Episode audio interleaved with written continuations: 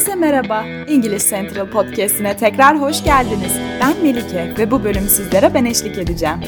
Bugün birlikte tarihleri İngilizce olarak nasıl okuyacağımızı öğreneceğiz.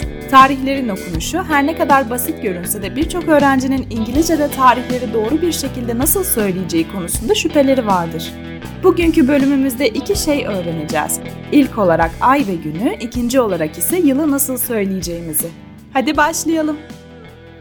Tarihleri İngilizce olarak okurken bilmemiz gereken ilk şey her zaman sıra sayıları kullandığımızdır. Sıra sayıları first, birinci, second, ikinci, third, üçüncü, twenty-fifth, yirmi beşinci ve benzeri gibi bir şeyin konumunu veya sırasını gösteren sayılardır. İngilizce'de tarih söylemenin iki yolu vardır. Ay artı gün veya gün artı ay. Önce gün artı ay formülüyle başlayalım. Örneğin İngilizce olarak 1 Ocak demek için 1 January demiyoruz. 1 yerine sıra sayısı olan first'ı kullanıyoruz. First'ten önce the, sonra ise of edatını kullanıyoruz. Yani 1 January şeklinde değil, the first of January şeklinde söylüyoruz. Diğer örneklere de bakalım. 21 Ağustos tarihini 21 August şeklinde değil, the 21st of August şeklinde okumalıyız. Aynı şekilde 10 Haziran tarihini 10 June şeklinde değil, the 10th of June şeklinde okumalıyız. Tarihleri okumanın iki yolu olduğunu söylemiştik. Gelelim ay artı gün şeklinde okuduklarımıza. Aslına bakarsanız gün ve ay şeklinde okuduğumuzun sadece yerlerini değiştiriyoruz gibi düşünebilirsiniz. Ancak bu sefer the ve of kelimelerini kaldırıyoruz. Yani 1 Ocak demek için January 1st diyoruz. Diğer örneklere de bakalım. 17 Şubat tarihini February 17 şeklinde değil, February 17th şeklinde okumalıyız. Aynı şekilde 3 Mart tarihini March 3 olarak değil, March 3rd şeklinde okumalıyız. 13'ten 19'a kadar 13. 14. gibi sıra sayılarını oluşturmak için sayının İngilizcesinin yanına th ekliyoruz. 13th, 14th, 17th gibi. 21, 22, 23, 31 gibi birler basamağı 1, 2 veya 3 olan sayılarda ise first, second ve third haliyle okuyoruz. 21st, 22nd, 23rd, 31st gibi. Gelelim yılları nasıl okuyacağımıza. 2000 yılına kadar her yıl iki sayı olarak telaffuz ediliyordu. Yani ilk iki hane ve son iki hane olarak yılı iki kısma ayırıyoruz. Yani 1704 yılını okurken bu yılı 17 ve 04 olarak ikiye ayırıyoruz ve 1704 şeklinde okuyoruz.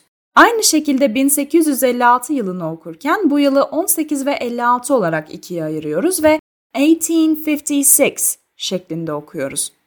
Örneğin 1900 gibi çift sıfırlı bir yılı ise 1900 şeklinde okuyoruz.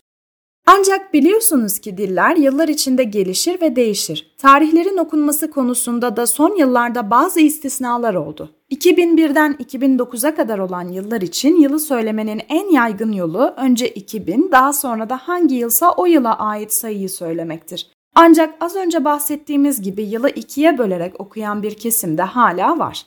Örneğin 2001 yılını 2001 ya da 2001 şeklinde okuyabilirsiniz. Aynı şekilde 2005 yılını 2005 ya da 2005 şeklinde okuyabilirsiniz. 2010'dan sonraki yıllar içinde iki farklı alternatif duyabilirsiniz. İkiye bölebilirsiniz ya da 1000 demeye devam edebilirsiniz. Örneğin 2012 yılı 2012 ya da 2012 şeklinde okunabilir ve her iki söylem de doğrudur. Peki bir yıl çift sıfır ile bitiyorsa onu nasıl okuyacağız? Çok basit. Önce sıfır sıfırdan önceki sayıyı söyleyeceğiz, daha sonra da hundred diyeceğiz. Örneğin 1300 demek için 1300 demek yerine 1300 diyeceğiz. Aynı şekilde 1700 yılını okurken 1700 değil, 1700 demeliyiz. Türkçe'de 1800'ler dediğimiz gibi bir yüzyılın tamamından bahsederken İngilizce'de yılın sonuna bir s geldiğini görmüşsünüzdür. Örneğin 1500'ler demek için the 1500s demeliyiz. Hatırlarsanız dört haneli yılları okurken yılı ikişerli hanelere böldüğümüzü söylemiştik. Peki 1805 gibi ikiye böldüğümüzde 18 ve 05 olarak ayrılan tarihlerde sıfır sayısını telaffuz etmeli miyiz? Cevap verelim, hayır.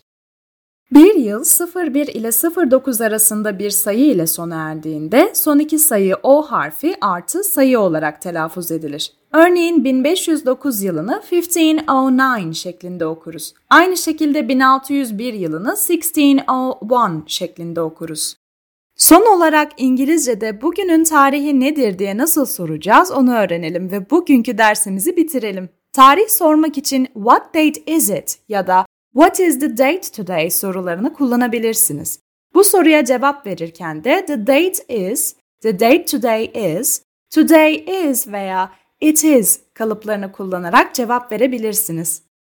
Bugünlük bizden bu kadar. Umarım bugünkü ders İngilizce'de tarihlerin nasıl söyleneceği hakkında daha fazla bilgi edinmenize yardımcı olmuştur. Daha fazla bilgi için www.englishcentral.com adresini ziyaret edebilir veya İngiliz Central uygulamasını indirebilirsiniz.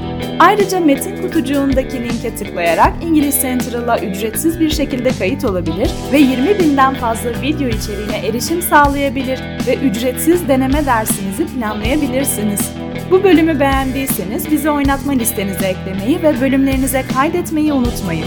Dinlediğiniz için teşekkür ederiz. Tekrar konuşmak üzere.